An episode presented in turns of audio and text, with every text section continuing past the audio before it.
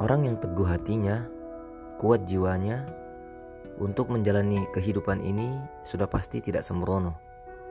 Begitu banyak pertimbangan-pertimbangan yang dilakukan sebelum melakukan tindakan. Agar tidak menyesal di kemudian hari. Jika hasil yang dicapai sesuai dengan keinginannya, maka ia memuji Allah Subhanahu wa taala dan berterima kasih kepadanya karena ia bisa mengeluarkan keputusan yang tepat. Namun, jika yang terjadi tidak seperti yang dikehendaki, maka dia akan mengatakan, "Allah telah menakdirkan demikian, dan apa yang Allah kehendaki akan dia lakukan."